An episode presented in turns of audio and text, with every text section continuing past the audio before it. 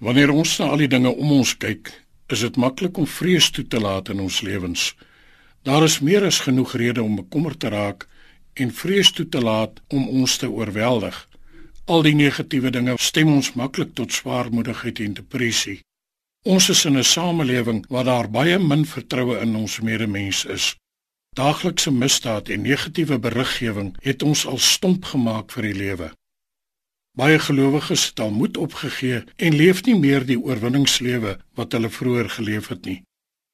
Dit is asof die dollige jaag van die samelewing net voortspoed na 'n onbekende bestemming. Dit is juis in sulke omstandighede waarin die Here sy krag openbaar.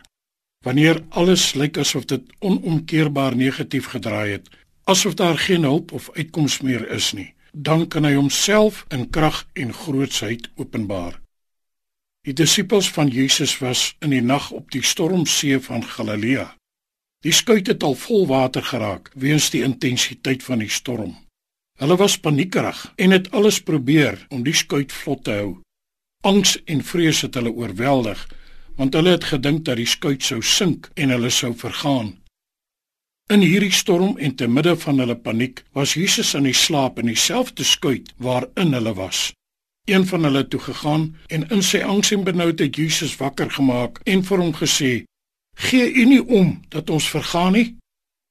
Hierop het Jesus opgestaan, die wind bestraf en vir die see gesê: "Swyg."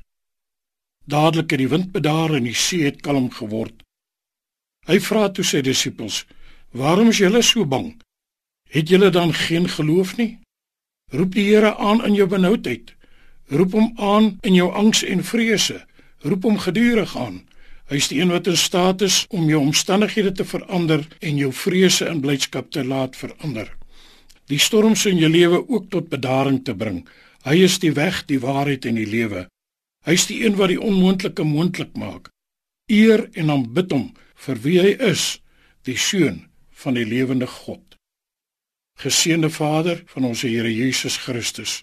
Aan U kom toe die lof, die eer, die dank en die aanbidding. Ja, die koninkryk en die krag en die heerlikheid tot in ewigheid. Amen.